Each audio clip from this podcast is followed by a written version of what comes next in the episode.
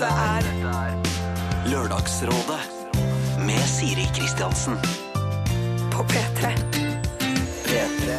God morgen, du hører på Lørdagsrådet, ja. Og vi har i fellesskap allerede hørt Katy Perry og hennes eh, Roar. Det er jo en eh, spesiell måte å starte dagen på, men sånn har det altså blitt. Jeg jobber jo her i NRK P3, og det er en av mange jobber jeg har hatt eh, opp igjennom. Jeg har vært alt fra personlig trener for delfiner på Hawaii, via jeg har vært gartner på en eh, kirkegård. Jeg har fjerna kjønnshår i dusjen på et, eh, på et helsestudio og hatt mye rare jobber opp igjennom. Generelt for alle disse stedene er at jeg, jeg syns det er vanskelig ofte å skulle forholde seg til eh, folket. Jeg konfliktsky, jeg, som deg.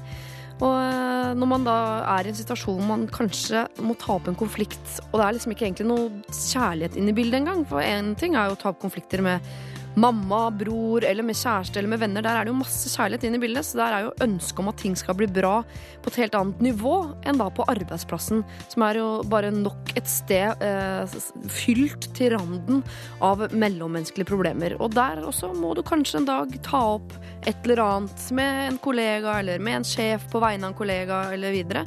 Og du er ikke egentlig så veldig glad i dem engang, men du bare må gjøre det. Eller må man det?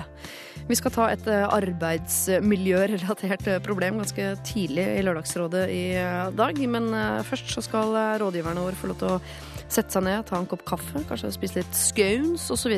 før jeg driller hodene deres fulle av problemer. Og så nå, rett etter at vi har hørt eh, Lenka, Trouble Is a Friend, så skal vi også ta et eh, blikk bakover og se åssen det har gått med en av de vi har hjulpet eh, tidligere. Har du et problem, så send det inn til oss. Da er adressen vår lralfakrøll.nrk.no. Lenka var det vi hørte der. 'Trouble Is a Friend', synger eh, hun. Vi har fått inn en eh, mail som åpner med 'Hei, Siri'. Og hun skriver altså For to uker siden sendte jeg en mail til Lørdagsrådet med mitt eh, problem, som lød slik. Hei, Lørdagsrådet. Jeg slo opp med min forrige kjæreste for litt over en måned siden, og nå er jeg forelsket i en annen fyr, og han liker meg også. Men jeg lurer på om det er litt tidlig. Jeg føler folk kommer til å tenke så mye rart om meg. Kan jeg la meg selv inngå et nytt forhold allerede? Dette problemet ga vi til Mia Hundvin, Martin Beyer-Olsen og Jonas Kinge Bergland når de eh, var her eh, altså den 16. november. Eh, Og noen av rådene de ga, de skal du få høre her. Det er mange som overlapper og blir sammen med en altså butt i butt med liksom til forrige. Så Ja. det, det skjer jo hele tida, det. Jeg syns Det ikke er det er, verre. Forferdelig, egentlig. Må man utbasunere at man har ny kjæreste? Kan man ikke bare ha en ny venn? Det er ingen unger involvert, tydeligvis. Og hadde det vært det, så hadde jeg sagt ett år. Ingen unger. En dag? En time? Jeg kunne regna med det nå. Er det det? Mellom en dag og en time. Jeg syns det høres ut som her, både inni mitt hode og ute i rommet, fra Mia, Jonas og Martin, om at igjen, det har gått en måte jeg har, jeg har ikke noe å si. Er du forelska i en annen fyr, ja, så er du forelska i en annen fyr. Folk blir jo sammen med folk før de har slått opp eh, til og med, og selv om det er møkkete business, så funker det jo på sikt, på en måte. Er dere forelska, så er dere forelska. Det er kjempefint, det. Vi applauderer og ønsker dere lykke til. Eh, Ikke tenk på de andre rundt. Ingen som bryr seg. Dette er Lørdagsrådet på P3. P3. Hører jo nå at jeg var både forkjøla og litt ute og, og på glattisen akkurat der, men rådene ble nå en gang gitt. Eh, og vi har også fått en tilbakemelding på at det var ikke så dumt det der. Hun skriver Først og fremst vil jeg takke for at dere diskuterte mitt problem på lufta, og jeg har lastet ned podkast og hører på den titt og ofte når jeg merker at jeg er litt usikker på meg selv. Eh, Med kjæresten, altså denne nye fyren og meg, går det veldig bra. Vi er veldig glad i hverandre, og han respekterer meg, og, ha, eh, og at jeg ikke vil ha forholdet vårt på Facebook osv. Venninnen min forteller meg at eksen min syns det er veldig sårt at jeg har ny kjæreste allerede, men jeg har sagt tydelig fra til dem at jeg syns jeg fortjener eh, å bare bry meg om meg og mitt en liten stund nå. Det hører kanskje med til historien at eksen var ganske drittsekk mot meg da vi var sammen, og han lot meg ikke ha mine egne meninger osv. Det er litt sårt for meg at venninnene mine ikke støtter meg i at jeg har en ny kjæreste. Derfor betyr det veldig mye eh, at jeg har podkasten med dere som støtter meg og mitt nye forhold. Hans venner derimot er veldig imøtekommende og hyggelige, og glade på våre vegne. Jeg føler meg generelt veldig velkommen blant hans venner. Men det er en del problemer rundt forholdet vårt, men det er ikke det som er mest viktig for oss. Vi er glad i hverandre, og dette kommer til å blåse over. Og de som bryr seg om det, kommer ikke til å gidde å bry seg lenger etter en stund. Kjæresten min og jeg har hverandre, og vi er lykkelige, og det er det som teller. Tusen takk igjen for at dere tok opp problemet mitt. Det betyr mye for en noe mentalt svak 18-åring som meg, og jeg håper dere har, har hatt, en riktig fin helg. Du, den helga var strålende fin, en. Takk for at du bryr deg om eh, det. Eh, og til dere som eh, bare hører på dette her, dere kan også få denne typen hjelp, og denne typen lykkelig liv i andre enden av tunnelen osv. Ja, jeg er litt pompøs akkurat nå, jeg hører det selv. Send det inn altså til oss, det er gratis. lr-alfakrøll-nrk.no. P3. Det var Broken Bells og deres Holding for, On for Life, og før Justin Timberlake sammen med JC. Holy Grail. Og øh, underveis i disse låtene så har dagens rådgivere funnet øh, rådgiverstolene sine. Eh, Hans Olav Brenner, god morgen. God morgen. Kristin Vincent, god morgen. God morgen. Og velkommen og god morgen til Sean Henrik Matheson. Hallo, god morgen. Alle dere tre er i situasjoner dere egentlig ikke er vant til akkurat nå. Hans Olav, du er i pappaperm for første gang. Stemmer. Og både du, Kristin, og du, Sean Henrik, eh, har beveget dere over eh, en slags eh, Fått en ny baby, på en måte, dere også, da denne kanalen som heter P13. Hva er det dere skal der? Jeg skal plukke musikken. Mm. Og lage et program som skal gå hver lørdag, hvor jeg skal snakke om musikk. Mm. Kan du noe musikk du da, Kristin? Ja, litt. Men du Hvis ikke altså- så bare er det å, gå inn på Wikipedia. Ja. Ja. Men du er musikksjef. Jeg er musikksjef. Musikksjef for hele smæla. Mm. Digg. Og så har du tatt med deg Sean Henrik fra P2. Ja, for jeg tenker han har virkelig behov for å si god morgen på radio i disse dager. Ja, det har jeg klart. Eh, så dette er en litt sånn øvelse for meg nå. Eller eh, gjentagelse. For jeg har jo vært eh, snakket på morgenkvisten før. Men jeg skal snakke på morgenkvisten i P13. Ja. Fra sju til eh, ti. Ja, for du jobba i P3 eh, Morgen når jeg startet i P3 for 150 år siden. Ja, 160-70 år siden. Da var det faktisk. Ja, ja, sånt. Var det juratiden? Og så har du vært innom P2 og over i P3 etter den. Men du har ikke vært innom P1, eller? Nei, det har jeg ikke. Men jeg skal dit uh, i jula. Jeg skal lage noe juleprogram der, så da har jeg dekka alt sammen.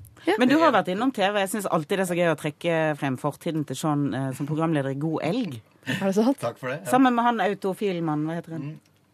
Jan Erik Larsen. Det var kaffekoppen. Ja, Ja, folk, folk må billedgoogle det. Kjempegøy. Han er på Brom nå.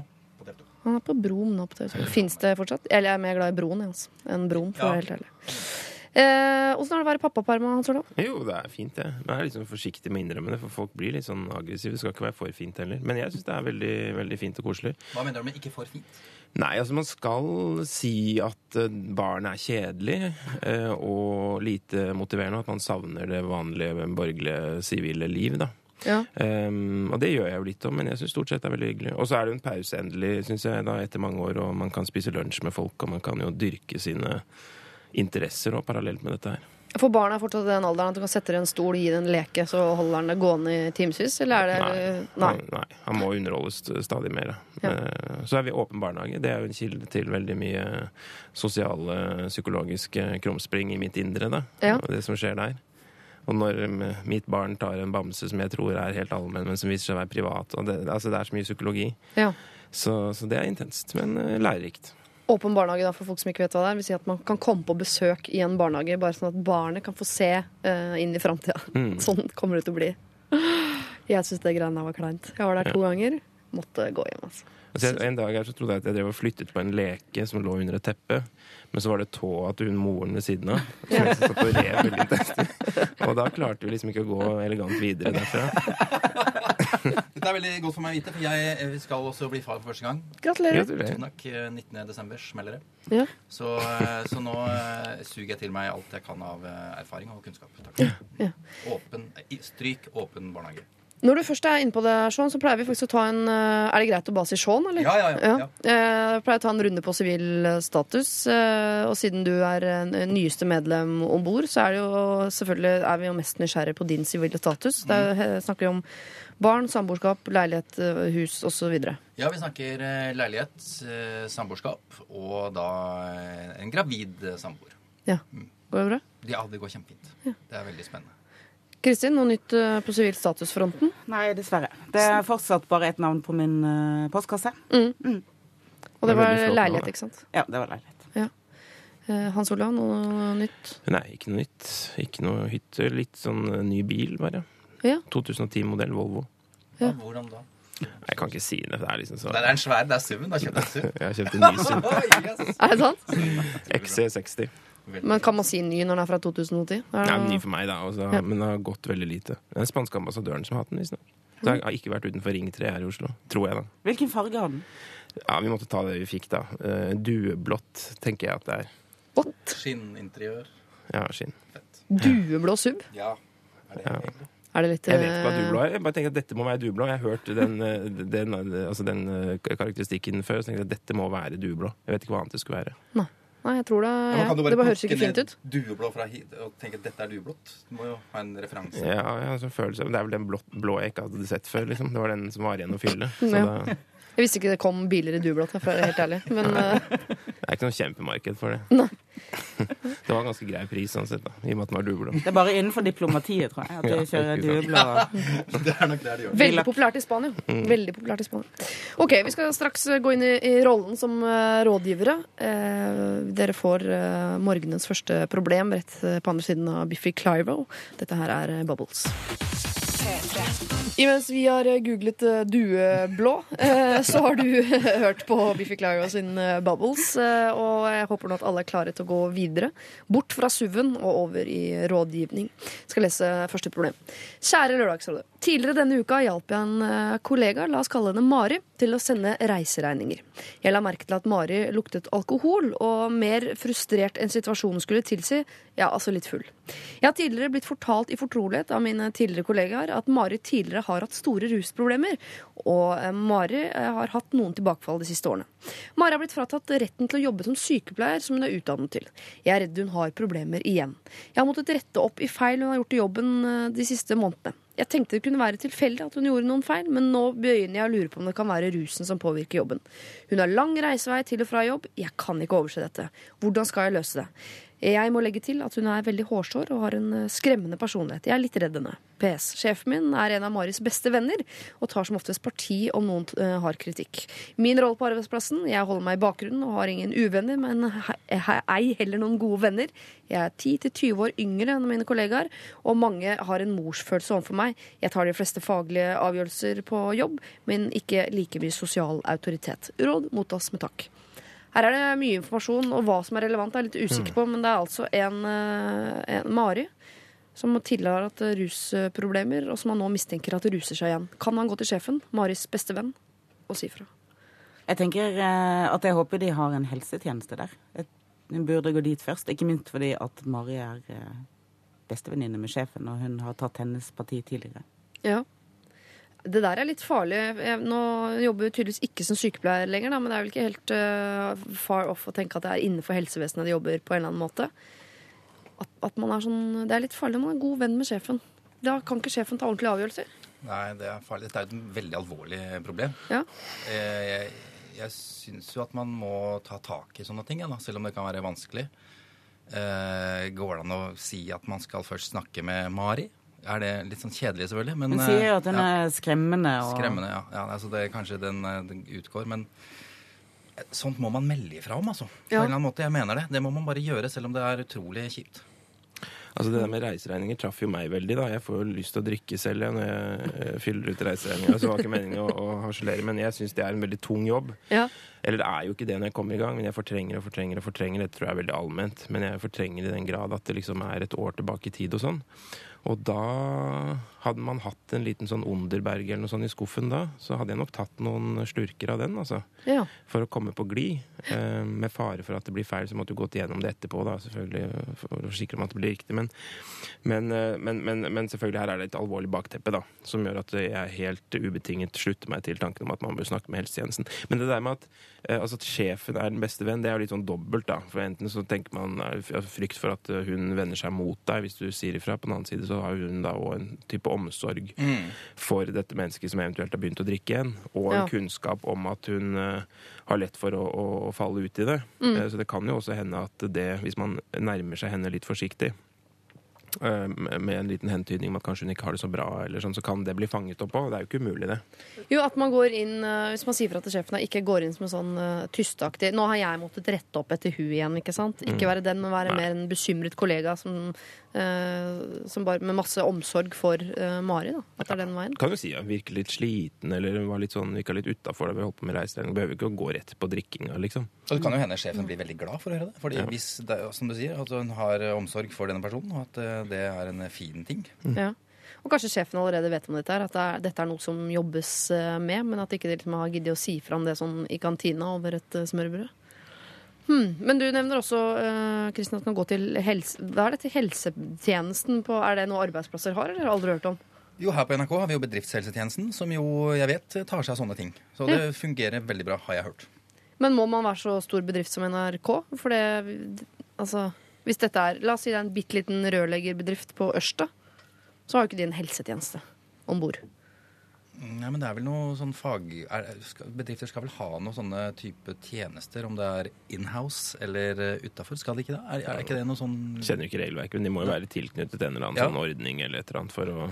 HMS-boka ligger på nattbordet, men ikke er ferdig lest. Nei, det er det.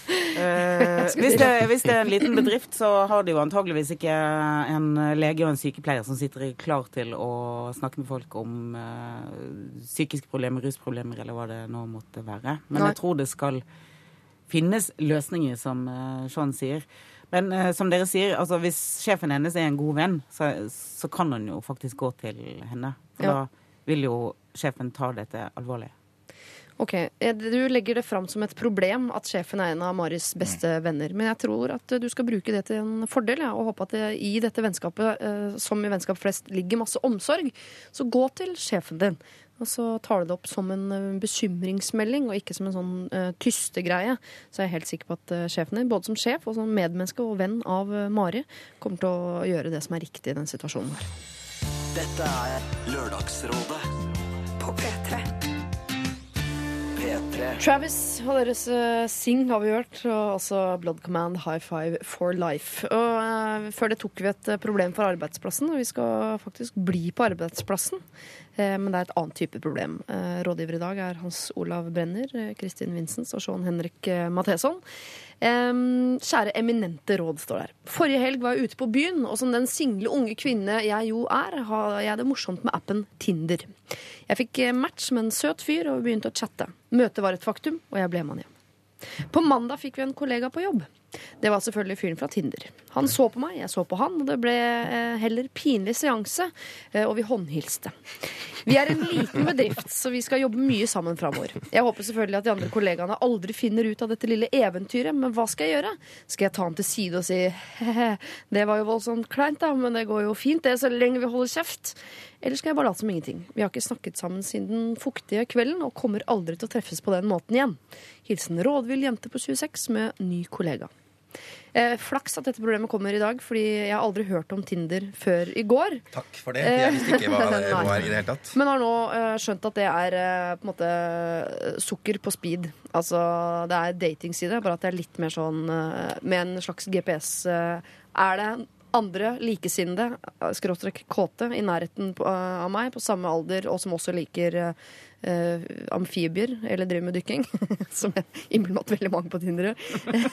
Men er kontrakten sex, liksom? Jeg tror det er ganske sånn eh, Man møtes ikke for å drikke te, nei.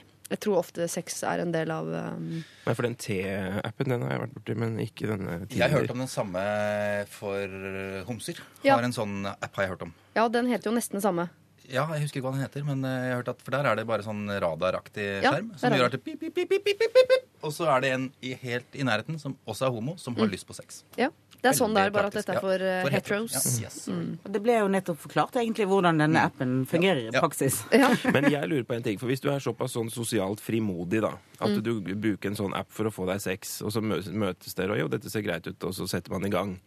Da tenker jeg at når man møtes på jobb neste dag, så er det jo litt sånn pussig at man da plutselig blir såpass sosialt forsagt at man ikke kan ta hull på denne ballongen. Det skjønner ikke jeg. For det er jo ikke verre for å ikke ta hull på Heter det hull på ballong? Ja, i hvert fall ta hull på et eller annet. Kondomet. Kondom.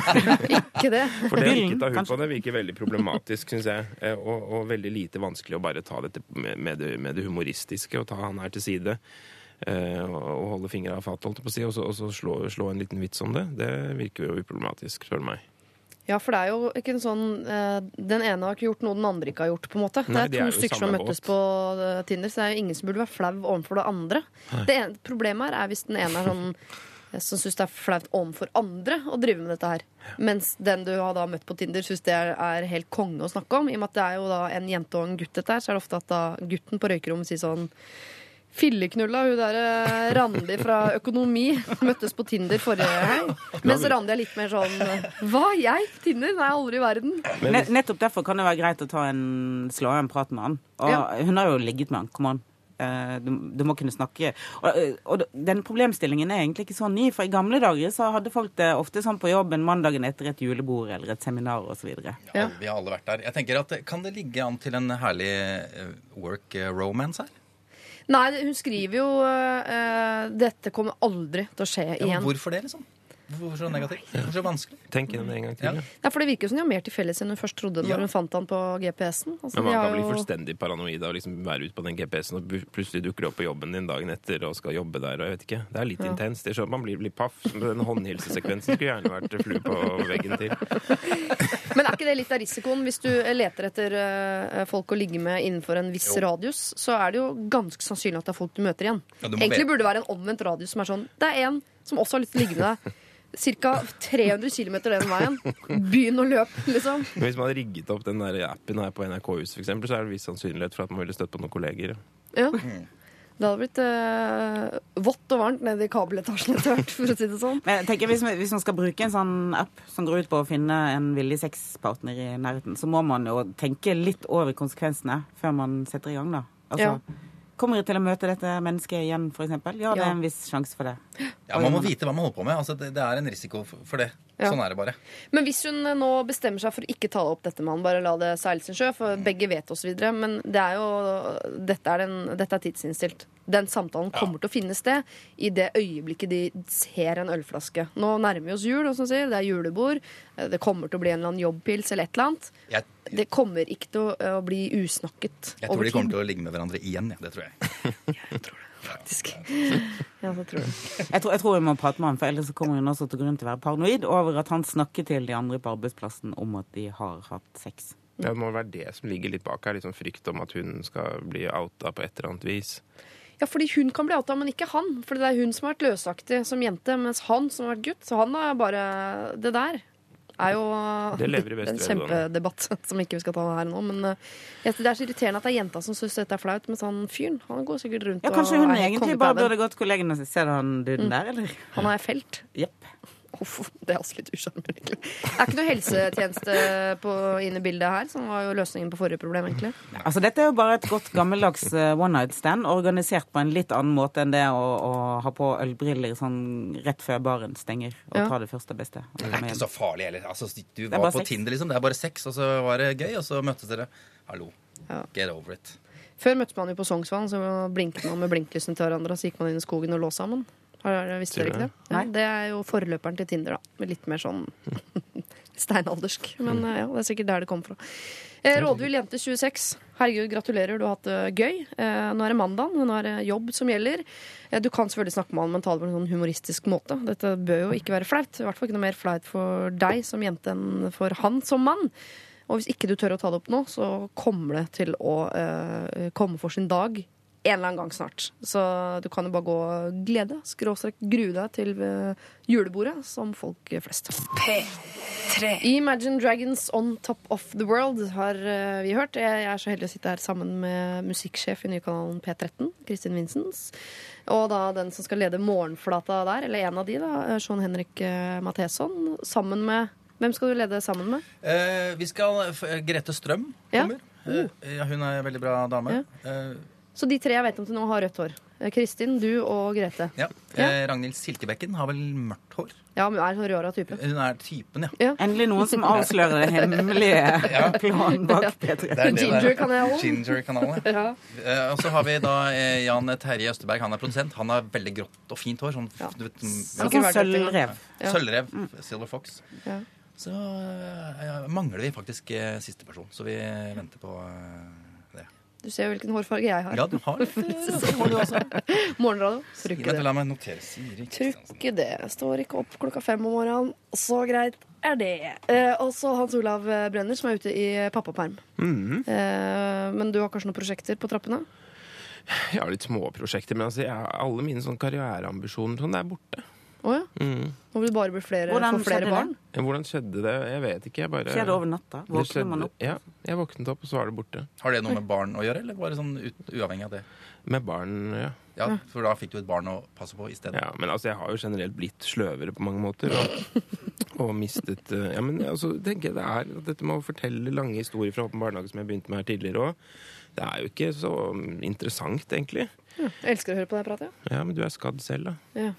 Men, eh, men eh, Så humoren blir borte, altså. Men det er det verdt. Det er verdt Humoren blir borte. um, da går vi over på et problem av den litt lange typen. Hei, Lørdagsrådet. Jeg er en jente på 25 år som nettopp har flyttet til en ny by, Oslo. Nyutdannet og kjenner nesten ingen her. Har brukt mange forsøk på å arrangere vennedates, men alle er feil type folk. De er for dølle, for sære, for A4 eller har verdisyn som er helt forskjellig fra mitt. Jeg har tidligere vært ute med noen perifere venner jeg halvveis kjente fra studietiden, noe som blei kleine affærer. Jeg kom med noen hysterisk morsomme vitser, syns jeg. Ingen lo. Samt at diskusjonen gikk heftig over bordet da to av jentene viste seg å være veldig langt ute på høyresiden politisk, og jeg er rød og har nulltoleranse hva angår diskriminering og bruk av N-ordet. Jeg har også møtt eh, en gammel venninne fra stedet jeg er fra, men hun ville ikke drikke kaffe med meg flere ganger fordi hun mente at typen hennes ville like meg bedre enn henne. Så vi passet ikke sammen. Er det så vanskelig å finne nye venner når man har bikka 20, eller? Hvor finner man normale mennesker, eller ikke normale, men morsomme, intelligente, kreative mennesker man kan ha den gode samtalen med og le seg fillete sammen med? Jeg savner rett og slett en ordentlig bestevenninne. Kan legge til at jeg er hun typisk eh, grove, morsomme, med kort hår og stiletthæler, som ikke bryr seg om hva andre mener eh, og, om meg, og jeg nyter livet til det fulle, men altså alene. Har tidligere fått høre at jeg er for mye, men jeg vil ikke tone meg ned hvis jeg ikke må. Kan man legge inn kontaktannonse? Finnes det kule damer på internettforum? Har jeg for høye forventninger? Hvor kan man møte potensielle venner? Hilsen en som ulv. Hun sier at hun blir beskrevet som for mye av mange, og sier Nei, jeg vil ikke tone meg ned, men hun stiller veldig store krav sjøl, da. Ja. Hun, alle de hun har møtt, er enten for teite eller for dumme eller feil politisk eller ikke morsom eller Ja, flott, da. det, det er en sånn mismatch her, tenker jeg, mellom hennes uh, forventninger til andre og hva hun sjøl er villig til å gi. Ja, for hvis hun er veldig mye, virker hun er på jakt etter en som er sånn som seg, som også er mye. Det kan bli veldig mye, tenker jeg. Hun har gått i krigen, liksom, da, for hun nekter å tone seg ned. Da vinner de kjedelig, ikke sant. Så Ja. hun er en ganske kompromissløs type. Kan det hende hun møter på mye motstand, og at hun ikke syns det er så morsomt? Altså Hvis hun er veldig mye, og, og, og folk liksom sier at nei, nå, altså, gir beskjed om at du må roe deg litt ned. At Ja. hun ikke tåler det, kanskje. Er det litt vanskelig? Ja, Virker som hun kommer liksom fra nord, eller et litt sånn freskt sted. da, og så kommer til Oslo. Altså, det er jo litt cocky, tenker jeg, å komme til Oslo. Her finnes ikke normale folk. og Det høres ut som ganske sånn voldsomme venneauditions, og Ja. Alle har falt igjennom. Ja. Det er jo en og annen litt sånn ålreit type som vandrer rundt her i byen, har jeg inntrykk av. Så kanskje revidere lite grann. Eh, utvide normalitetsbegrepet ørlitt. Jeg tror det Mathilde. så ikke avskrive folk etter ett møte. Nei, du er bare kjempedøv. Selv folk kan- som ja, unnskyld, Kristin, selv folk, folk som bruker N-ordet, kan Ja. man forholde seg til. Altså. Hvis man eh, leter eh, lenge i seg selv, så, Ja. så går det, liksom. Fordi folk har som regel andre kvaliteter også. Og så kan man lære mye av å henge med folk som er helt motsatt av seg selv. Ja, eller se på den utfordringen med disse folka eh, på høyresiden, eller de som bruker N-ordet, og på en måte gå inn i det som en slags sånn eh, misjonær.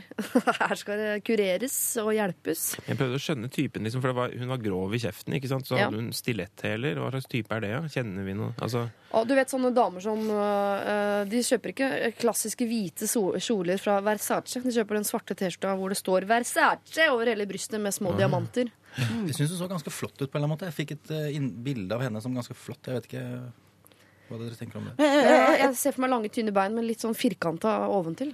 Jeg ser Ja, for meg en, eh, bein jeg. en potensiell politiker. Hun sier at hun er øh, på den røde siden av øh, politikken. Jeg tror kanskje hun burde vurdere å rett og slett melde seg inn i det partiet som ligger i hennes hjerte nærmest. For der vil hun møte andre som stiller helt sykt eh, store krav til eh, andre. Ja. Og sånn kan være veldig mye. Ja, faktisk, Det er en god idé å, å engasjere seg politisk. Ja. Eh, melde seg inn i et eller annet eh, sånn parti. Bjølsen SV, liksom, eller noe sånt. Bjølsen SV, ja. Svære greier. Jeg ser nesten for meg sånn venstresidas svar på Siv Jensen. sånn ja, jeg er enig. Høyhælte sko, kort hår. Mye. Ja, ganske tynne bein, litt firkanta oventil.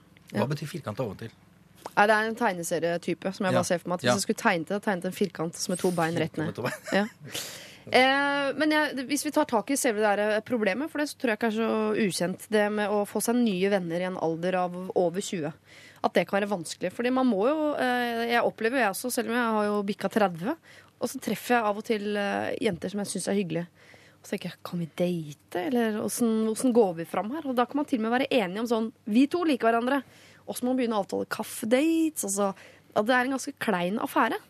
Eh, Hva, hva kan Hun spørre om? kan jeg legge inn kontakt Fins det vennekontaktannonsesider, eller er det noe der hun kan gjøre? For hun jo, hun er jo ikke akkurat flau for å være eh, proaktiv i, i dette hun driver med, å få seg venner. Det går jo an å få nye venner, også etter fylte 30 og enda eldre, har jeg erfart. Så det er jo ikke det det stopper med. Det er at hvis du får nye venner, så er det ofte et trengsel for noen du allerede har. Fordi at eh, du har lite tid, og kanskje du har en samboer etc. og barn og alt mulig. Så det er kanskje det som er problemet. Men den der forestillingen om at det er litt sånn kaldt og kjølig i Oslo og, vanskelig å få venner her, den lever jo veldig beste velgående også der hvor jeg kommer fra. At folk tenker nei, Oslo det går ikke. liksom, Og begynner du på Blindern, liksom, så er det så mye mennesker, og det er kaldt, og alle ser ned og bort, og ikke sant. Det er umulig. Eh, Men det er nok nettopp det der å oppsøke de der litt sånn små, intime settingene. Altså partigruppa på Bjølsen, yogagruppa på Domus Atletica etc., etc. Så vil det balle på seg, tror jeg. Ja. Og så ta det derfra.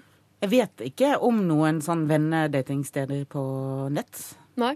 Men hvis hun er på Twitter, så kan hun eh, Jeg ser at folk driver med sånne tweet-ups. Uh, som går ut på at folk som følger hverandre på, på Twitter i samme by, møtes og drikker uh, øl. Oi. Det kan være en måte. Ja. Treningsstudio går det an å gå på teater. Black Box for eksempel, her i Oslo. Der er det, det er ganske lite og intimt, og der kan man lett få kontakt med folk. Ja. Hadde jeg gått på Blackbox med noen venninner, og det kom bort én singel jente i stiletthæler med kort hår som var litt mye, Lange spurte om bein. vi skulle finne på noe, da hadde jeg. Kanskje det var litt, kanskje det var litt, eh, kanskje det var litt ute. Nei, jeg vet da søren. Jeg, jeg, jobber ikke Nei, P2 jeg- jeg- jeg klarer ikke jeg, jeg, jeg, får man kontakt da? I pausen? Nei, ja, før man går inn med et glass vin. Nei, det er veldig kort. Nei, det kommer jo på, an på når du kommer, det, da. Ok. Det går jo Så er det mye Nei, men Kanskje det var helt ute. Jeg bare prøver, for jeg også prøver å lete etter steder. Treningssenteret, da. Det er jo jo lettere. Det er jo klassisk. Det er klassisk. Og der får man jo faktisk kontakt med folk. Det Og det er så det- intenst, for Hvis du er i hverandres sone av svette, så Ja. skjer det et eller annet Ja. sånn uh, veldig menneskelig. Det er derfor folk finner hverandre òg. For at Ja. du vender altså Den der intimsfæren som det kanskje tar 38 dater før du kommer til, den får du liksom på første møte på treningssenteret. Du er i svettesonen allerede. Man har Så sett ligge hverandre sammen- nakne. Ja, ikke sant? Ja, men det å ligge sammen da blir på en måte en mindre eh, foreteelse i forhold til det liksom å virkelig ha utsondret svette i den andres påsyn og nærvær. Ja. Ja, men jeg skjønner òg at det er vanskelig. For til og med sånn, eh, en situasjon som jeg befinner meg i ganske ofte, er jo sånn henting og levering av barn i barnehage. Og Da er man inne på et bitte lite rom, og det er mye unger, det er mye klær som skal på, og det er kaos uten like. Og da kan man jo ha hyggelige passoarer med andre foreldre, som jo er eh, på samme sted, eh, samme aldersgruppe, samme livssituasjon. Men øh, overgangen fra sånn der åh, det er voldsomt så møkkete klærne blir nå på høsten-pratene, som vi ofte har, til den dette var hyggelig, gitt. Hun hatt med på stilig mat og tatt seg en bolle og noe varmt i koppen. Det er, altså, det, den overgangen er så vanskelig, for det er så sårbart. For da sier man sånn 'Jeg har lyst til å bli vennen din'. Og det er jo nesten som å gå bort til en gutt og si sånn 'Jeg er forelsket i deg'. Og da er man livredd for å få tilbake sånn Kjipt, det. Trenger ikke dame, eller trenger ikke nye venner, eller Det er jo det, så selv om hun er, sier at hun er mye og går rett på og det greiene der, kanskje hun er livredd for å bli avvist, da. At det er derfor hun sitter og avviser folk. Ja, men jeg tenker at hun, nå, nå hadde jeg glemt litt at hun var så innmari voldsom, faktisk. Jeg tror hun må rekalibrere litt og, og, og roe seg litt ned. Og jeg tror kanskje hun er nødt til å godta at folk er annerledes enn henne. At det kan være et godt utgangspunkt for Ja. å få nye venner. Ja, For det virker jo som hun allerede har vært i kontakt med Ja. en rekke mennesker. Det gjør Så jeg tenker at det er, det er faktisk et problem at hun har stiller så enormt høye krav til alle andre enn seg selv.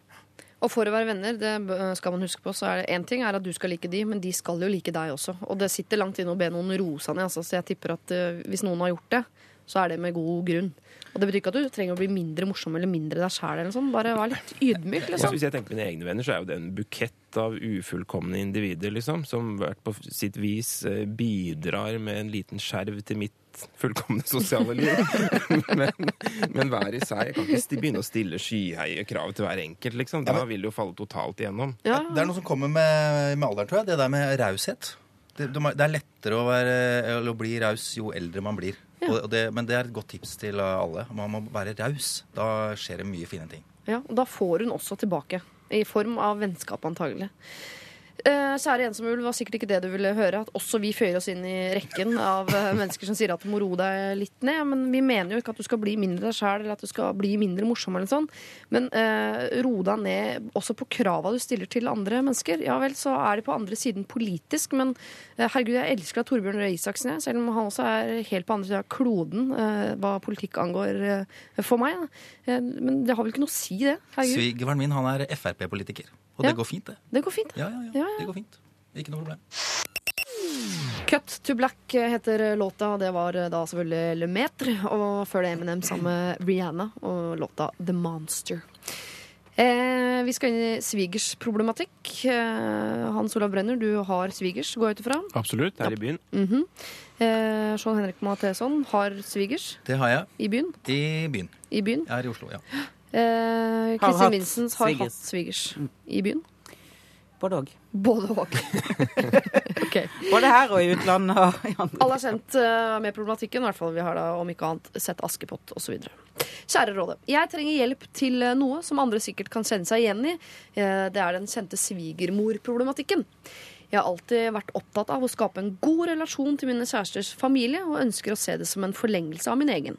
Jeg har en svigermor som er omsorgsfull, kunne ikke gjort en flue fortred, og ønsker sin sønn det aller beste. Problemet er derimot at det aller beste betyr at han i en alder av 30 år er, og vil alltid være, mammas lille gutt. Svigermor bor seks timer unna, men hun kommer månedlig på besøk til sønnen for å vaske klærne hans. Vaske rene klær i skapet, eh, en ekstra omgang, eh, omgang, for så å lage tellekanter i skapet hans. Hun fyller opp kjøleskapet og passer på at sønnens primærbehov til alle døgnets tider er dekket. Fint, tenkte jeg. Leiligheten hans trenger jo både vask, og han trenger å få i seg noe annet enn takeaway food fra Mækkern og friterte halvfabrikata ting til frokost. Jeg har min egen leilighet å vaske, travel timeplan og ikke noe ønske for øret om at eh, kjæresterollen skal forveksles med den tradisjonelle morsrollen. Jeg vasker og, rydder mot, eh, vasker og rydder derimot av og til når jeg kommer på besøk, og leiligheten hans ser ut som tredje verdenskrig eh, for min egen trivsel. Uten å kritisere hans rot noe bemerkelsesverdig. Det som er tydelig for meg, er at hun, og jeg i liten grad, gjør denne 30 år gamle mannen en gedigen bjørnetjeneste. Hvordan han i de resterende tre ukene mellom mors besøk la leiligheten og seg selv forfalle til de grader, eh, når jeg da ikke sjelden gang rydder opp. Det bør presiseres at vi kommer fra to veldig ulike familietradisjoner når det kommer til hvordan arbeidsoppgaver i hjemmet skal være fordelt. Jeg havner imellom forventningene til meg selv om å mestre det å innfri min andre halvparts ønsker, og samtidig mine egne behov for å være sammen med en mer eller mindre selvstendig og moderne mann.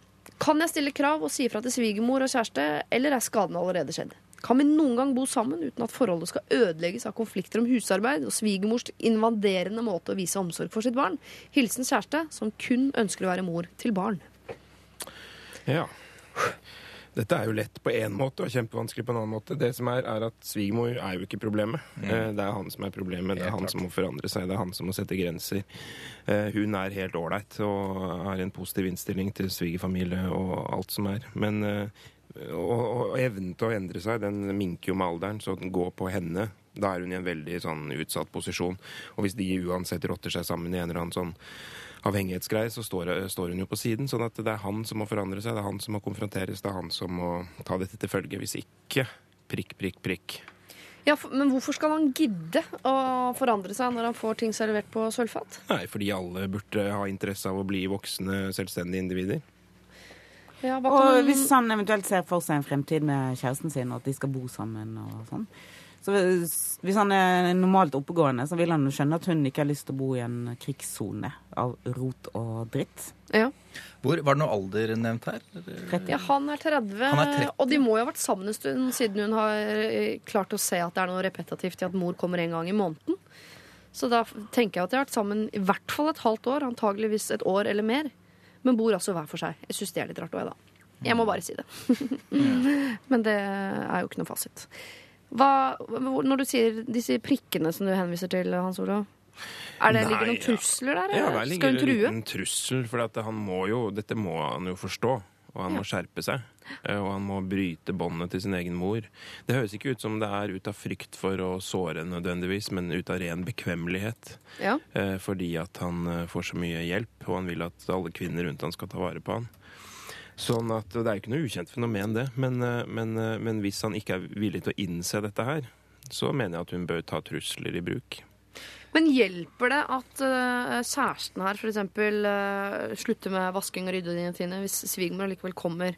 Kan, eller kan hun rotte sammen med svigermor og si du må slutte å rydde og sy puter under armene på sønnen din, for han uh, Jeg vil at han skal bli voksen. Hun burde i hvert fall sjøl slutte med rydding og vasking og sånn. Hun kan Ja. ikke klage over at eh, moren hans gjør det, når hun gjør det samme sjøl. Og så kanskje hun kan prate med moren hans. da. Hva, hva syns du? Syns du han er selvstendig nok? Ja.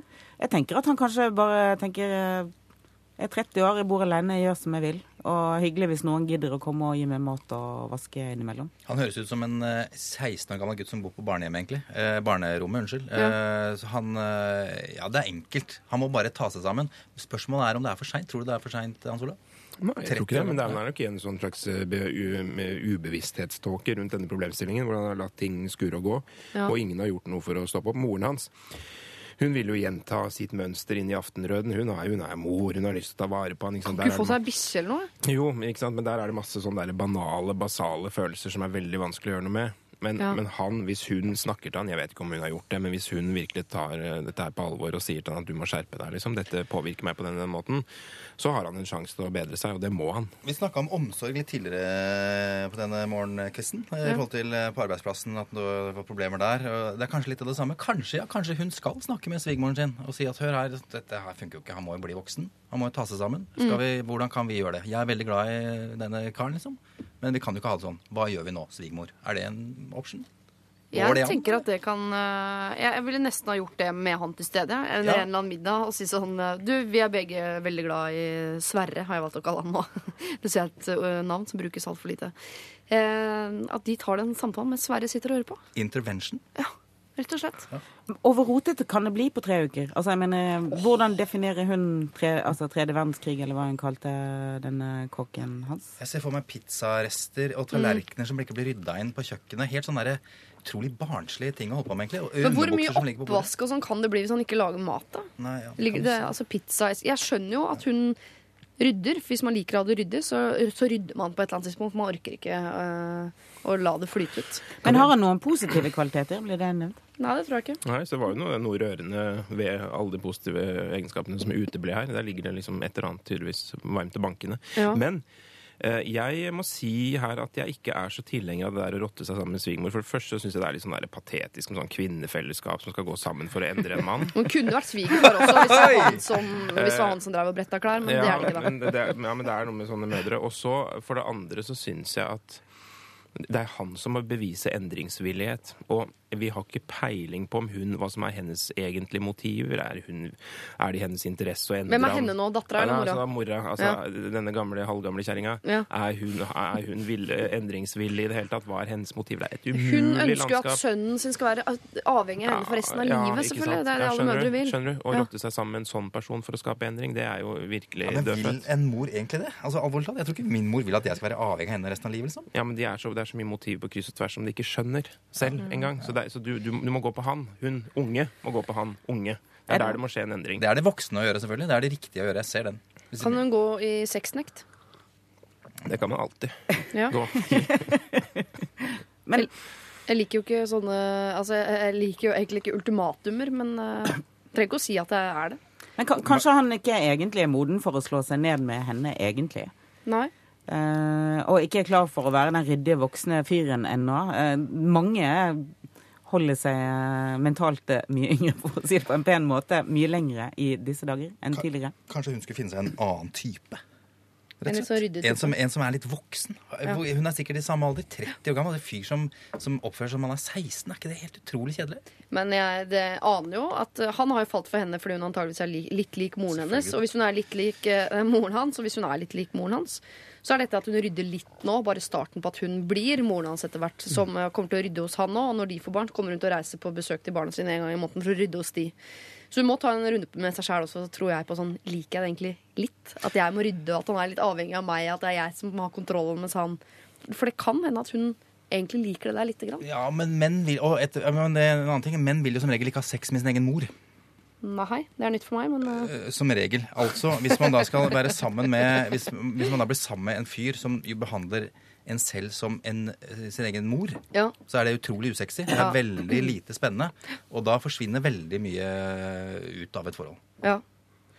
Uff, ja, hva råder vi her eh, til? Altså, hun må eh, Hans Olav, du mener at hun ikke skal eh, rotte seg sammen med svigermor? Fordi det er litt sånn farlig partnerskap å inngå, rett og slett? Det er et farlig partnerskap å inngå. Ja. Hun må i hvert fall få bukt med det, sine egne eventuelt morsaktige tendenser vis-à-vis sin egen mann. Altså, du må ta et selvoppgjør på det, og så må hun gå rett på å kreve endring. Ja. Tenk så krise, da. Kommer damen din og mor din. Nå skal vi snakke med deg om rydding. Come on. Ja. Ja. Ja, nei, det blir for Da deilig. Jeg trekker tilbake. er altså. Men eh, ellers så eventuelt bare finne deg en ny type. Altså. Finn deg en ny type er veldig konkret eh, forslag. Ellers så er du nødt til å gå i strupen på dette her og kreve av eh, kjæresten din, som er 30 år, og oppføre seg som om han er 30 år. Og si det som det er. da. Du syns det er litt turnoff at det ligger pizzaesker og sokker og alt mulig utover eh, gulvet, og at det også er litt turnoff at han er så innmari suttung på mora si fortsatt i en alder av 30. Får vi se om han endrer seg. Gjør han det ikke nå, så gjør han det helt sikkert ikke neste år. P3. Dette er Lørdagsrådet med Siri Kristiansen. Sweet Like eh, Chili har vi hørt. Looking Like That er altså uh, låta. Um, og vi skal ta et uh, problem til. Er uh, orker dere? Ja, å, ja. Ja. On fire, hele gjengen. Ja, si det. Ja. Eh, Kjære Lørdagsråd. Etter å ha hørt på mang et problem og råd fra dere, har det nå dukket opp et problem i min hverdag som jeg håper dere kan hjelpe meg med. Jeg gjør problemet mitt veldig kort og generelt. Hvor mye skal tolereres i forhold til min kjærestes jentevenner? Min kjæreste er av den kjekke og ekstremt utadvendte typen som ofte tiltrekker seg oppmerksomhet fra det motsatte kjønn, og som alltid har hatt veldig mange gode venninner. Selv har jeg svært mange nære guttevenner, så dette burde egentlig ikke plage meg. Men jeg har ikke den samme typen hyppig kontakt og sammenkomst og flørtete atferd når jeg er med mine kompiser, som han har med sine venninner. Det skal sies at han ikke har hatt et seriøst eh, kjæresteforhold før, og derfor ikke har hatt behov for å tenke over dette, eh, eh, som, kan, som er ubehagelig for meg, da. Han lar meg alltid tvile på at det er meg han elsker, og selv om mine venninner Selv om venninnene hans også har kjærester, gjør det noe med forholdet dem imellom som gjør meg sjalu. Hvor mye skal jeg tolerere av klemming og kosing og søte samtaler mellom min kjæreste og hans venninner? Overreagere? Hvordan skal jeg i så fall takle sjalusien? Takk for råd. Hilsen kvinnelig student. Hvordan takle sjalusi? Veit ikke. Eh, jeg har ikke god råd på det. Få barn. Men eh, er det lov å reagere på at kjæresten har eh, gode venninner som er klemmete og kosete? Og... Ah, til en viss grad, kanskje. Det er en fin balansegang der. Jeg har, jeg, jeg har veldig mange venninner. Ja. Kristin er jo en av dem. Klemmer og koser dere? Ja, mye vi, søte klemmer, men ikke sånn, vi sitter ikke sånn og duller med hverandre. Og det tror jeg ikke man skal gjøre. Men jeg, man, igjen, det der med raushet. man må- Det, det er viktig å ha Vi har ha skutt hagle sammen, da. Det har vi gjort. Vi er på skytterbanen av og til. Det er- hagle. Ja. Det er gøy. Eh, Det gjør vi. Lerduer, altså. Ja, Det er eh, for meg veldig seksuelt ladet. Så ja, det er ja, det kan du si. Det er jo det er fallos, og det er mye Vi kan gå langt inn i den eh, når jeg tenker meg om. Det er sant, det. Fyre av. ja. Nei, det- det er ikke- skyter. Det er ikke mange søte, små samtaler. Nei. Nei. Sjalusi er veldig vanskelig å, å styre. Det er ikke en, irras det er ikke en rasjonell uh, følelse. Nei. Men det er vel den sterkeste følelsen man kan ha, har jeg lest en gang en bok som ikke fins. Snakker på vegne av en eh, bekjent. Ja. Nei, jeg har, jeg, jeg har en fortid som fortidssjalu. Altså, jeg liker ikke at mine søster har opplevd noe før meg. Eh, Men så fikk jeg barn, og da gikk det over. For da følte jeg at jeg vant. Og nå har jeg noe som ingen av de andre fikk. Ha-ha-ha, jeg er best. Fuck you all. Og så har det gått over. Ja, det er meg, da. Um, Men jeg tenker i, et, uh, i en rosa og fin verden eh, For jeg er også en sånn som har mye guttekompiser. Uh, Jeg har blitt sammen med en mann som ikke har en eneste venninne, og det er ikke tilfeldig, det. Er du glad for det? Jeg er veldig glad for det, ja. For jeg liker jo jeg liker at det skal være sånn at, at man skal tolerere det. At en guttevenn er det samme som en jentevenn. og sånn. Hvis jeg kan gi en venninne en kos, så skal jeg vel kunne gi en kompis en kos osv. Men hvis, allerede, hvis sjalusien er der, kan hun bli vant til å se at de klemmer og koser og har søte samtaler? og Kan hun bli vant til det? Skråtrekk. Kan hun kreve at det endrer seg? Når det jo han var sånn når de traff hverandre. Han har lite erfaring med forhold. Dette er første seriøse Ja. forholdet han har. Ikke sant? Han føler det er kjempeseriøst, og det er det sikkert, men han har ikke helt skjønt spillereglene. Hva er spillereglene, da? At når du går inn i et forpliktende forhold til en kvinne, så skal du sakte, men sikkert fase ut de venninnene du har hatt. Oh, ja. Mener du det? Hør på han der! Hva er slags forhold er det du har? Olav, hva har skjedd med deg? Plutselig, men sakte, men sikkert. Ambisjonen er borte, du har ingen venninner og venner lenger. Nei da, men det er, jo, det er jo litt sånn eh, Det er, det er litt betente der. Og jeg kjenner, jeg har jo kamerater som har brent seg kraftig på det at de ikke har skjønt den der eh, balansegangen der. At de har tenkt at vi kan Ja, men herregud, liksom vi er frie individer i en fri verden, og vi må fortsette som før. Og sånn bør det kanskje ideelt sett være, og den tilliten bør være der. Sånn, jeg ser jo at det, det skaper masse problemer. Ja. Men hvis man tvert imot liksom inntar en litt mer distansert eh, holdning til disse venninnene, møter dem mer sammen med andre enn på tomannshånd etc., etc., så blir det lettere. Det er ikke noen tvil om det. Mm. Men hun det har, jo masse, hun har jo masse kompiser sjøl.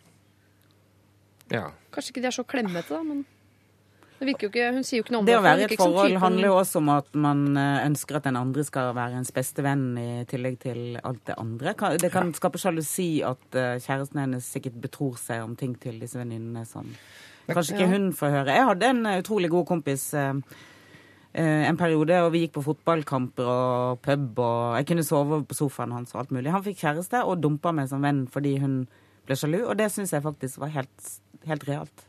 Er det Du syns det var realt? Ja. Ja. Jøss. Så, ja, Det sånn hun var, hun var, hun være, var men- så viktig for han. Ja. Og hvis det var det som skulle til, så Wow, du er grei, ass. Vi var ikke bestiser i 30 år, men eh, ja. Men kan det være fordelaktig også ha, at han har uh, venninner som, som han kan rådføre seg med når ting er vanskelig? Han, de kan gi han råd eh, i forhold til jenteting, da? Jeg vet da søren. Ja, eller bør hun bare uh, virkelig gå inn for å bli god venninne med de? For jeg tror Hvis hun lærer dem å kjenne på samme måten som han gjør, så forsvinner vel noen av trusselen. Det er jo det at Hun sier er jo at de har mystiske kjærester individer. òg, gjør hun ikke det? Jo, de er også kjærester. Hvis hun på en måte bare kan få slippe inn i den samme kretsen, så er det vel ikke så skummelt lenger. Tror du han har ligget med de venninnene der? Sikkert. Ja, det kan godt hende. Det må hun aldri spørre om. Nei, da er det nei, nei. helt fucked. Men uh, Jeg tror det er nyanser i hans atferdsmønster. Jeg tror, jeg, det er jo ikke noe som tyder på at hun er et uh, sykelig sjalu individ. Nei. Men det er jo noe som oppstår her som er litt nytt for henne. Og han må jo da være liksom Ja, du kan få beholde venninnene dine, selvfølgelig, men, men liksom kunne du vært litt mer sånn og litt mer sånn, så ville det blitt lettere for meg. Hvis han da stiller seg helt uforstående til det, så mener jeg at han mangler litt empati med hennes situasjon. ja. ja, fordi Så det må jo være spilleregler her. Man kan jo finne ut av noen spilleregler. Ja, for jeg, jeg syns man kan være litt eh, Nå bruker jeg ordet raus igjen, men eh, være litt forståelsesfull i hvert fall, overfor at andre er sjalu. Selv om det, er liksom, det har blitt en sånn fy-fy sånn er du sjalu-type. For en grusom egenskap. Nei, hvis man er sjalu, så er man det, og da kan man faktisk forvente Jeg syns man skal kreve litt forståelse på det. Så han burde nok kanskje kose og klemme bitte litt mindre. Ja, jeg føler også det. Kanskje han ja, sånn, sitter og dulle og sånn Nei, det går ikke. Det kan man ikke drive med. Jeg er helt enig. Men kan han få seg nye venninner? Er det lov? Kan han, fordi det har vi regler på hos oss. da At eh, de vennene du bringer med deg inn i forholdet, det er greit, men ikke noen nye. Takk. Det er jo helt dust av meg. Det er jeg som har kommet med denne regelen. Selv jeg vet at har aldri hatt en venninne og kommer aldri til å få det. Men jeg har jo, får jo nye kompiser hele tiden. Så du bryter dine egne regler? Ja, ja, ja, ja. ja men jeg passer alltid på å si at de er stygge, har dame og er eh, Ikke sant. Jeg snakker de veldig ned alltid. Har du sendt ut et eget eh, spørsmål, Siv? Jeg sender det til offentlige instanser. Men eh, kan hun ta det opp med han? At jeg, blir, jeg føler meg utrygg når du eh, holder på sånn. Jeg tenker, Det er en ærlig sak. vi- Utrygg. man, man er ikke kjæreste hvis man ikke kan si til hverandre at man føler seg utrygg. Nei. Tenker jeg. Så det bør hun ta opp med han. Men jeg tenker så, det henger litt i det Kristin sa, at hun ble dumpa som venninne. For jeg synes det var så flott, for det, det betyr jo at eh, det er veldig kompliment å bli dumpa på en måte i en sånn situasjon. For det betyr jo at man er i et slags elektrisk felt av erotisk tiltrekningskraft som bare må holdes unna, liksom. For hvis ikke så, så blir, går alt i stå i et forhold. Så jeg fikk kjempelyst til å bli dumpa nettopp av den årsak, bare for å liksom få bekreftet min tiltrekningskraft, selv om jeg da liksom ikke er ute og utøver den. Kan du legge til det i bylinen din, Kristin? Elektrisk felt av Jeg har aldri sett på det på den måten, men Ikke jeg heller. Du har en risiko for det forholdet. Du måtte ut. Jeg måtte ut. Måtte ut. Jeg tror de fortsatt er kjærester, så jeg tror det var en riktig beslutning. Ja, Det hadde vært bittert hvis det ikke hadde holdt. Det er sånn som gif- folk som gifter seg. Og, Og det der, den der gamle romantiske setninga om at eh, venner er viktig, skal man velge de foran. Blæ de blæ. Uh, fuck det. Jeg hadde valgt kjærligheten framfor vennskap. Selvfølgelig. Hver eneste dag, hele uka, resten av livet. Sånn er det. Eh, vennlig hilsen kvinnelig student. Eh, du må eh, gå til kjæresten din og si at, eh, at dette gjør deg utrygg. Og så hans reaksjon på det, det sier veldig mye om deres eventuelle fremtid eh, sammen. Du har lov til å være sjalu, og han skal ha litt eh, raushet overfor det. Eh, Men han har også lov til å ha venninner, altså. Du har faktisk kompiser selv. Så akkurat det syns jeg du må tolerere. P3. Eh, kvelertak var det der. Evig vandrer. Vi skal over til et problemområde som ikke vi er innom så ofte. Eh, vi skal rett og slett eh, i dass. Kjære Lørdagsrådet, god lørdag. De siste årene har jeg etter hvert utviklet en slags fobi eller skrekk når det gjelder å gjøre mitt nummer to på toalettet når det er jenter til stede. Altså ikke til stede på do, men f.eks. i leiligheten. Jeg hadde et langdistanseforhold i tre år med en jente, og da vi møttes i helger, ferier osv., turte jeg ikke å gå på do. Det resulterte i at jeg ble oppblåst, fikk vondt i magen og var rett og slett nesten uvel noen ganger. Selv går jeg andre året på medisin og vet derfor viktigheten av å få tømt seg regelmessig. Og jeg tenker aldri at det er noe spesielt ekkelt ved at jenter går på do, f.eks. Dette er helt normalt for meg. Da jeg og nå min ekskjæreste var to uker i Thailand for noen år siden, pleide jeg å gå på do i resepsjonen på hotellet eller på kjøpesenter og lignende. Jeg sa f.eks. enten at jeg skulle se på noen turistaktiviteter eller lignende, eller at jeg for eksempel skulle shoppe litt for meg selv. Etter dette forholdet omsider tok slutt, fortsatte min doskrekk. Dette gjelder ikke bare hjemme lenger, men det gjelder også på skole, jobb, restaurant osv. Det innebærer også da eh, fising foran jenter. Jeg vet det ikke er noe fint å, å fise eh, mens man har dama i armkroken og ser på gullrekka på en fredagskveld, men jeg velger da altså å holde det inne helt til jeg er så oppblåst som en heliumsballong og er bare for meg selv. På hjemmefronten eller steder der det kun er ett toalett, er frykten at det skal lukte og at det lager lyd. Spesielt når det er helt stille i leiligheten og dama sitter i sofaen og venter på at jeg skal se filmen vi skal se sammen. Herregud. Der eh, det er separerte toaletter for menn og kvinner, er frykten for at jenta jeg eventuelt er sammen med, skal vite at jeg er og gjør nummer to, fordi, dette tar jeg, fordi det naturligvis tar litt lengre tid enn en tissepause. Problemet gjelder kun overfor jenter, da kompis og andre gutter er helt åpne på at dette eh, med å gå og drite er helt greit. Jeg har den innstillingen om at jenter vil se rart meg og tenke at det er ekkelt fordi jeg, jeg går på do og gjør mitt nummer to. Så eh, det hadde vært helt topp noen tips til hvordan jeg kan overvinne frykten og faktisk kunne gå på do når jeg må. Eh, For jenter gjør vel sitt nummer to innimellom de også? Spørsmålstegn. Dette spørsmålet kom fra en lege. Uansett, ha en strålende lørdag videre. Hilsen fra en oppblåst mann på 27. Herregud, deilig å få et sånt problem fra den sida av samfunnet. altså. For å ta det positivt først, han er Ja. i hvert fall eh, en av de som bruker dobørsten. Antakeligvis. Ja. Ja. Eh, og jeg holdt på å si, du er ikke aleine, men jeg tror du er ganske aleine som mann, da, for å være helt ærlig. Jeg kjenner en jente som bodde, hadde det samme problemet, bodde i kollektiv, Ja. og måtte dra hjem til foreldrene sine hver gang hun skulle drite. Jeg Ja. tror vi må tilbake til barndommen her, og lure på hva slags forhold han har til sin mor. Og vi må helt litt, tror Vi må brystmelke Ja, vi, vi er litt helt der, tror jeg. Hva har skjedd? Hva er det, har han fått mye kjeft for at han bæsja på seg? Eh, var han sen eh, til å slutte med bleier? Har han fått eh, mye pes? Jeg vet, det står det jo Nei, litt om i mailen. Men at, eh, Men det høres ut som det er, altså, jeg tenker at det er jo noe menneskelig her i utgangspunktet. At man syns dette er beklemmende, og særlig vis-à-vis det annet kjønn. ikke sant? Alle kan kjenne på det i begynnelsen. altså, det, det er jo noe som er i ferd med å gå utforbakke, eller at man har fått større fortrolighet eller et eller annet når du begynner å, å, å gjøre disse altså, Jeg kjenner det ligger i meg, og dette her, han, nummer to snakker han om. ikke sant? Syns det er vanskelig å bruke ordet bæsje, f.eks. ja, det syns ikke du. Jo, det syns jeg. Ja. Inntil jeg fikk barn, så syns jeg det var vanskelig å si det. Ja. Um, så jeg tenker at det, dette er jo eh, noe ganske menneskelig og, og fornuftig også, men som det har eh, Det virker som det har eh, eskalert. Altså det er blitt verre og verre og verre, og verre, verre høres det ut som. Så nå er det å, å stoppe dette her. Eh, for jeg er jo enig i det å fise folk Fise foran jenter, som det står. Det syns Det er strengt talt ikke nødvendig. det er, Nei, vet trenger nei, det. trenger man Ikke ikke. nødvendig, men jeg tror han tenker at det ville vært en god ting at han kunne gjøre det, at han kunne velge å gjøre det hvis han vil. Skjønner du hva jeg mener? Han er Ja. vel veldig lukket. Ja, for dette høres ut som et problem han har nesten nærmest snakka på seg. At det har begynt som et lite problem, og så har han tenkt og tenkt og tenkt, og så har han gravd sin egen grav nærmest i feil retning. Fordi han er jo medisinstudent, så det er ikke noe sånn. Eh, Han har ikke noe problem med at jenter går på do. Så det ligger bare hos han. Av en eller annen grunn så er det eklere at han går på do enn noen andre i verden. Og derfor sitter det selvfølgelig oppi hodet. på Ja, han må kjøpe en sånn uh, spray med sånn uh, lukt som Ja. man sparer når det lukter vondt på toalettet eller andre steder. Og hvis det er stille i leiligheten, så kan han skru på vannet, f.eks. Ja, de triksa der er prøvd, Uh, tror jeg. Det lukter Eh, enda verre når du sprayer ja. noe i et rom med bæsjlukt. Enig, for da blir det uh, Altså, det er som med folk med hvit tannregulering. Sånn, du ser at det er et eller annet gærent som foregår, men du veit ikke hva det er. Du kan ikke sette fingeren på det. Det er sånn. Det er bedre å på en måte bare kalle en spa. Altså, drittlukt det er drittlukt, men drittlukt med litt parfymelukt på, det er verre. Men jeg skjønner veldig godt. Jeg, slapp, altså, jeg er sammen med kjæresten min nå en stund, men det er ikke lenge siden jeg slapp min første fis i nærheten av henne. Altså. Jeg må si det. Det, er, det, tar, det tar tid. Så vi skal ikke, det, man må tenke at dette er også til en viss grad normalt. Ja. Det han holder det her. Bare så sagt det. Det er, det er en over... Det, er- man skal, ja. Jo, men ikke kunne gå på do når det er andre i, i samme leilighet. Altså, på Veldig skam, da. Det er mye skam her, tror du ikke det?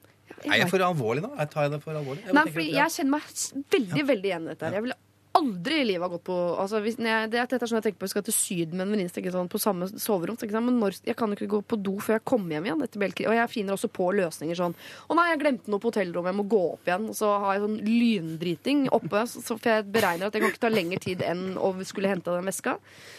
Og så videre. Sånn holder man på. Men jeg har liksom tenkt at det er sånn vi jenter driver med. Men dette er en gutt. En medisinstudent. Hvorfor Ja, men altså Dette med lukt, for eksempel. Alle Ja. vil jo, Hvis det er et vindu, vil du ha behov for å lufte. eller liksom sånn, Hvis man har vært, eller hvis det er, åpenbart er noen som står i kø og skal inn etter, så synes jeg man er jo ikke helt komfortabel med at man etterlater en slagmark. liksom. Nei. Det er jo veldig menneskelig med alt dette her. Det er bare Problemet er at det har eskalert. Um, Hvordan skal vi få han tilbake riktig? Han og Gå en... mot lyset i enden av tunnelen? Nei, men jo si. Noen sånne små markeringer i sofaen der foran gullrekka. da.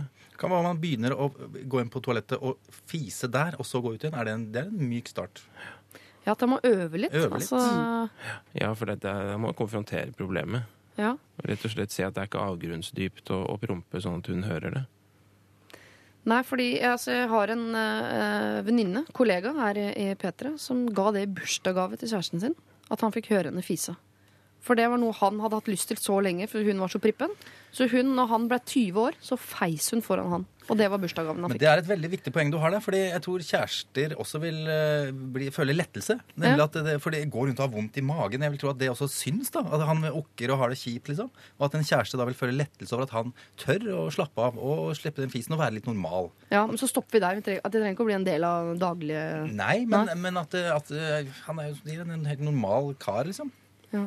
Men kan han si det da til Hvis han da er i et forhold som er, såpass alvorlig at man drar to uker til Thailand sammen, da regner jeg med at eh, man har gjort mer enn å ha et one night stand.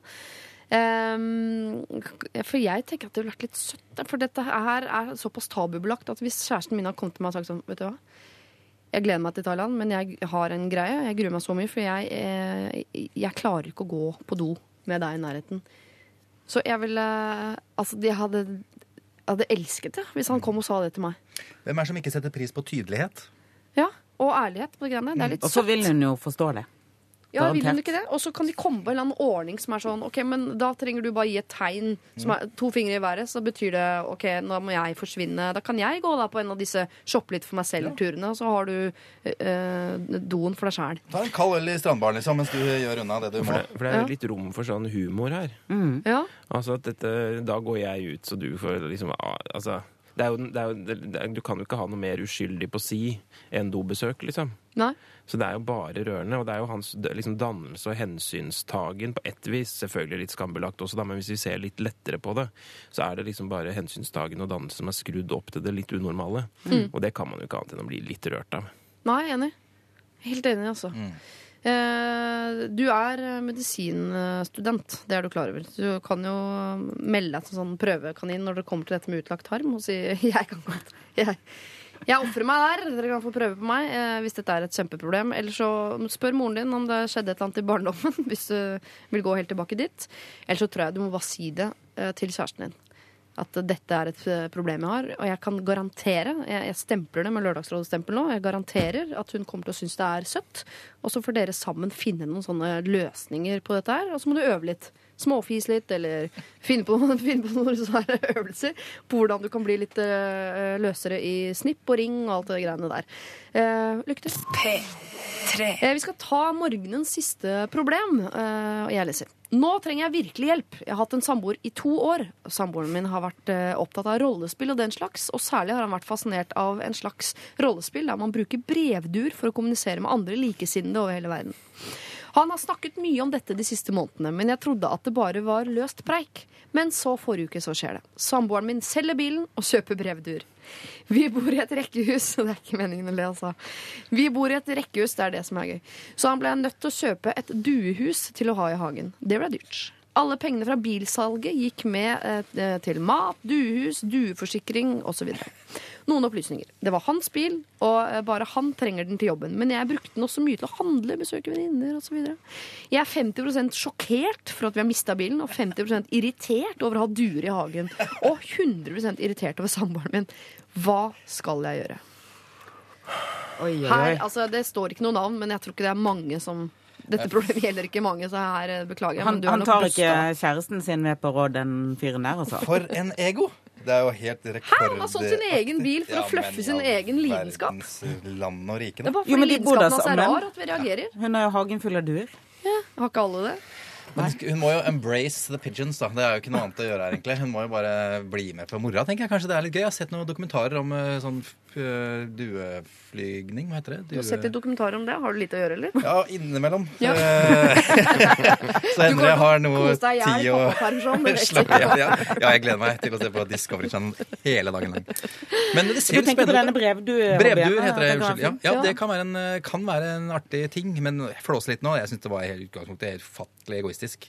Ja, for jeg tenker sånn, altså, Det er jo noe litt sånn søtt og sjarmerende. Altså, duer høres jo litt sånn altså, Det gjør problemstillingen litt artig, men det koker jo ned til at det handler om en manns monomani. Altså, det er jo en del menn innimellom, og sikkert kvinner òg, som, eh, som, som liksom tillater seg å dyrke sine interesser. eh, til det, og så plutselig er det over. ikke sant? Det er det at Vi vet jo ikke om dette duedyreholdet har framtida for seg. Det er veldig vanskelig for henne å involvere seg, bli glad i enkeltduer osv. Selv om jeg tenker at det er vanskelig, for jeg er veldig redd for duer. Men, men, eh, men For du tenker at de kan Nei, jeg syns det er dritskummelt.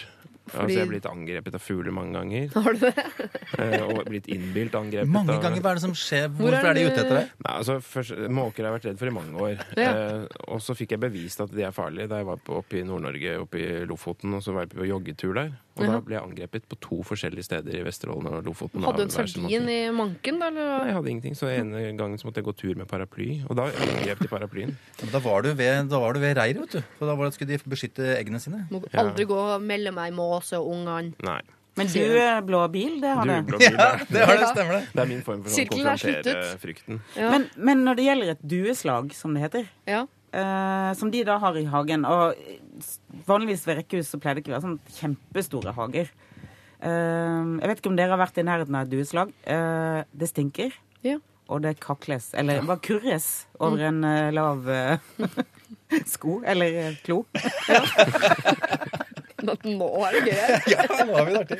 Nå koser de seg. Ah, ja da. Ja, så naboene, liksom, hva tenker de ja, om dette her? Jeg mener at hun kan utgi seg for å være nabo og sende inn en formell klage til styret. Kanskje det. Eh, Det jeg prøver å si, er jo at det er jo ikke som om han har kjøpt et lite marsvin eller noe, og at det er en bitte liten hobby. Denne hobbyen er kjempestor og Ja. dyr. Den stinker, og den eh, høres. Så at hun er 100% irritert, det skjønner jeg faktisk veldig godt. Hun har jo helt tydeligvis ikke blitt rådspurt. Kunne du tenke deg å ha et dueslag i hagen? Men nå har han blitt sammen rollespillfyr. Det i seg selv mener jeg eh, altså Klapp på skulderen, gratulerer. Det syns jeg er, eh, det er godt gjort. Eh, flaks for han at han har funnet en jente som ikke på en måte ramler helt av lasset med en gang det der dukker opp. Eh, men eh, han, er det ingen som ser noe fint i at han har eh, kvittet seg med en materiell gode som er 100 hans, for å dyrke sin egen hobby? Han er en lidenskapelig fyr som ikke bare sitter og sier at han liker ting. Han liker det så godt at han eh, går ganske langt han, for å dyrke sin egen hobby.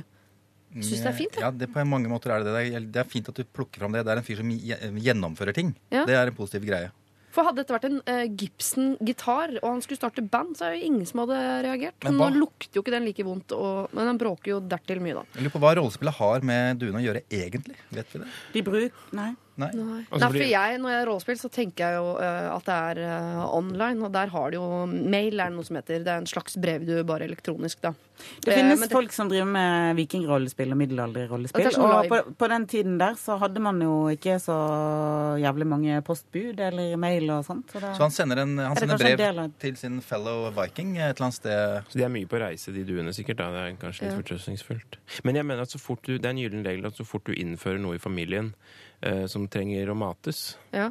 og som avgir eh, ekskrementer, Mm. så må det tas opp eh, over bordet og, og være en viss enighet rundt det. Altså alt fra gullfisk til elefanter. Altså Du kan ikke begynne å plutselig ha duer i hagen som skal mates. Duer ser i sakte film, men det visste dere sikkert. Hæ? Nei, jeg har ikke sett den dokumentaren. De, ser de har så mange vet, Vi ser noen sånn 24 bilder i mm, sekundet, som er litt sånn film- og TV-aktig. Men uh, duer ser 150. Det er Er derfor, ikke Hobbiten-filmen 48 i sekundet? jo, det er noe sånt nå. Ja. Men da blir det enda tydeligere. Men det er derfor duer kan ta, lette så sent når du kjører på dem med bil. Så sitter de og sitter og sitter og sitter helt til de plutselig letter når du tror du skal kjøre på dem. Det er fordi de ser de sakte film. Så de, kan bare, de har all tid i verden, Oh, og så digg så letter de, liksom. Ja. Det er derfor de aldri kjører på en due. Jeg har kjørt på en måke på Vega. Kanskje ikke de Sikta ser så? Jeg, jeg gjorde faktisk Sikta du på den? Ja. Ja. For jeg er så redd måker, og da hadde jeg, jeg trygg inni Kill them all, tenkte du. Drepte jeg en måke. Jeg trodde ikke det kom til å skje, for jeg trodde den kom til å unnslippe. Men det er så lite biler på Vega, så den var ikke vant til det. Den tenkte hva er det der greiene der som kommer i så hurtig tempo? Det har jeg aldri sett før. Okay, Men hva skal eh, den stakkars damen gjøre, da? Nei, ja, brevduer i hagen? Men det er, er det, det er jo veldig lett å ta livet av duer. Og han har tydeligvis brukt alle pengene på duer nå, så hvis de dør, så har han ikke råd til nye. Da står han der med et bur. Men du Han, sa nei, jeg sa ikke at en, det var noe dueforsikring inne i bildet? Eller var det noe jeg. Nei, Men, men hvordan i det hele tatt det kan være lov, som du sa, Kristin, å ha duer i, i et, ved et rekkehus, det forstår jeg ingenting. Nei. Og det er bare å si vil du selge dem selv, eller skal jeg besørge salget? Hun kan liksom gå så langt som å tilby seg å, å administrere salget av duene. Ja. Med den fare, altså Det er som tvangssalg av fritidseiendom eh, hvis, eh, hvis konsesjonsplikten inntreffer. liksom, at Hvis kommunen selger for deg, så kan du ende opp med en elendig pris, fordi at det er ikke hjerte og interesse i det. Men, men, men hvis han selger selv, så vil han liksom kunne selge dem inn som ekstra gode duer til et uinteressert publikum, sånn at eh, ja, det blir mer inntekter. Men hva Så- koster en due? Tenk om han, Kanskje han hadde en bil som kosta to millioner kroner? Hvorfor har du kjøpt duer? Ja, hvorfor ikke noe? Hva, hva slags mange duer hva er det, liksom? Kanskje han har 10 000? Det Selvfølgelig har han ikke mer det, Mer spørsmål eh, enn svar. Dette det er egentlig. tenker jeg rundt ti. ti duer, ja. Jeg tenker ja, 10-20 Mm. duer, kanskje. Men liksom, duene eller meg?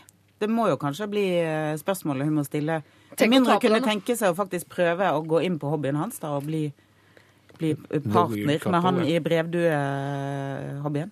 Men orker man å eh, tape kampen mot en due rent mentalt? Hvis jeg hadde bedt en gutt velge mellom meg og en brevdue, han tok det brevdua, da hadde jeg gått inn i dyp mental uh... Men har han ikke på en måte gjort det ved å ikke ta henne med på råd, da? Eller bare satser han på at nei, men det går seg til. Hun kommer til å digge det. Når Jeg tipper han vil forklare det med sånn Når jeg velger duer, så er det ikke meg, Paul, som du ble forelsket i. Da er jeg Thor!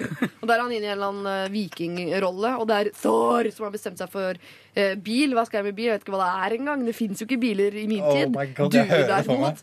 Da sitter han i ikke borti sofaen der og sier sånn Hvem er Pål Thor heter jeg. Hva er det du snakker om bil? Hva er det for noe? Det åpner jo for litt eh, ja, friske ting i sengen, kanskje. Vikingsex. Jo, men Jeg har ikke sånn- lyst til å slutte å snakke om dette. Jeg blir. Nei, men bare tenk på sånne elleville ting på, eh, tegn på at ting er i ferd med å gå Altså, Hva skal vi være på vakt mot hos vår partner, som kan tyde på at ting er i ferd med å gå skeis eller utforbakke? Ja. Plutselig innkjøp av, av brevduer uten noen form for samtale i forkant i et rekkehus i en by, liksom. Ja. Det, det er blant varselsignalene som man skal ta på alvor. Ja, men hun burde sett det allerede når hun traff han på øh, i den, øh, nede på Oslo S, eller hvor de henger hen, disse folka. Han satt der i den lange, svarte skinnfrakken sin. Allerede der burde hun blitt liksom litt skeptisk, spør du meg. da.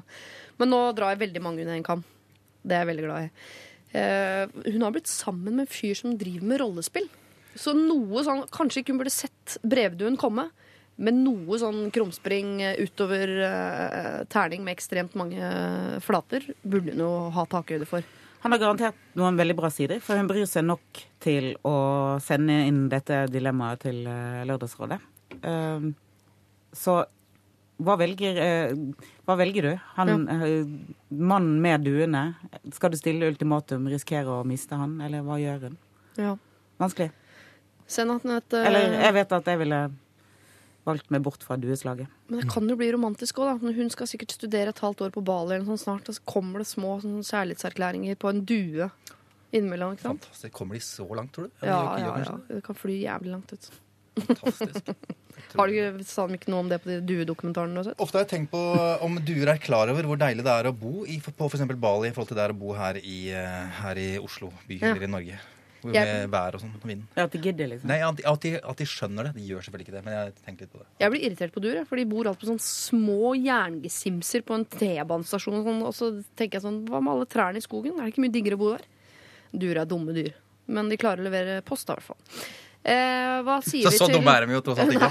Ikke. Hva sier vi da? Eh, du må ta opp kampen mot eh, duene. Enten i form av eh, deg selv og si sånn du må velge mellom meg og duene. Eller så må du gå inn i rolle du også og møte Thor på hans hjemmebane. Da må du hete noe sånn Hva heter jentene på den tida der? I, Frøya. Idun, Frøya eller et eller annet. Og så må du prøve å snakke med han på det mentale planet der. Eh, Og forklare han hva en bil er, osv. i rolle. Eller så må du utgi deg for å være en nabo, eh, nabo og sende inn en formell klage. Skal ikke se bort fra at de naboene allerede er i gang med, med noe korrespondanse. Antageligvis. Men eh, vit det da at du får antageligvis ikke solgt de duene, og i hvert fall ikke til en pris som gjør at du får kjøpt tilbake til den samme bilen. sånn, Så noe penger har gått uh, tapt her. Uh, og så får du se da hvor sterk den kjærligheten er, versus uh, Kanskje hvis det var den bilen du først og fremst var glad i, så er det jo ikke liv laga uansett. Dette var gøy. Eh, fortell oss hvordan det går. da. Send en mail eh, lralfakrøll.nrk.no og fortell oss hvordan det gikk. Hvem vant? Dune eller Idun? Lord var det, og eh, låta Royals. Og vi har gått en fin runde i dag fra å starte med å snakke om den dueblå bilen, nyinnkjøpte bilen til Hans Olav Brenner, til å, å ta for oss problemet der man solgte en bil for å kjøpe seg duer. Jeg syns det er fint. Eh, Jeg skal gå gjennom alle problemene vi har hatt eh, i dag, sånn at dere kan eh, en gang til kjenne litt på hvem dere har lyst til å gi en T-skjorte til, basert på hvem vet. Det velger dere også selv. Ok, Vi startet dagen i dag med denne Mari, som har hatt et alkoholproblem. Og nå mistenker kollegaen at hun kanskje er litt utpå igjen og har lyst til å si fra til sjefen, men sjefen er en god venn av Mari. Eh, og så har vi eh, da denne svigermoren som syr puter under eh, armene på sin svigersønn. Kommer på besøk en gang i måneden og bretter klærne hans, vasker osv. Eh, vi har også den jenta på 25 som akkurat har flyttet til Oslo og savner eh, noen gode venninner. Hun syns bare hun møter eh, idioter og kjedelige folk. Og så Det med idioter var jeg som fant på, så jeg innrømmer det. og så har vi da denne jenta som har møtt en fyr på Tinder, ligget med han, for så mandagen etter å få han presentert som sin nye kollega på jobb. Litt kinkig der, altså. Og så uh, har vi uh, den jenta som er usikker på hvor, uh, hvor mye hun skal tolerere av sin kjærestes jentevenner. De koser og klemmer og holder på. Eh, og så har vi han som har en fobi, en slags skrekk, da, for å gå på do når det er jenter til stede. Og ikke da inne på doen, men in the building er eh, nok for han.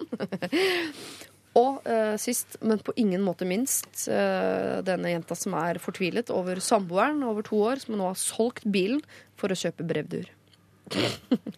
Jeg har ikke lyst til å si det mange ganger. Hvem syns dere fortjener en T-skjorte? Jeg tenker på øh, han som øh, Nei. Han som nei. Nei, hun, hun som vil ha venner. Hun som vil ha venner. Ja, For da kan kanskje hun komme i prat med folk og har den T-skjorta. Ja, Det kan være en inngang. ja kort hår. Men jeg syns ikke det lett- virker som hun hadde problemer med å komme i prat med folk, men heller holde ok. praten gående. Jeg tror altså hun må bare ta seg sammen litt. Unnskyld meg, nå er jeg like streng som. Ja, sorry, altså. Han Ja. med doen, da. Ja, jeg likte hun med Han- duen, ja, altså, hvis jeg kan få lov til å si hva jeg mener. Ja. for hun, for jeg tror at hun er en innmari kul dame som kommer til å ta de der duene og tåle det. Så jeg Ja. tenker at hun fortjener noe, en, en T-skjorte. Ja, tenker jeg da. Ja. Dere, både, dere sier at dere skyter på øh, lerduer. Mm. Kanskje, dere- kanskje vi kunne hjulpet Ja. Er det noe Det kan jo ha noe med det å gjøre, selvfølgelig. Ja. Ja, Drit i T-skjorten eh, for Kristin og Sean med hagle. De skyter alt av duer. Brevduer, lerduer også. Jeg jeg har også veldig sympati for han med, med toalettdilemmaet. Ja. Han virker som en jævlig fin fyr. Ja. Mm. Oppblåst og fin fyr.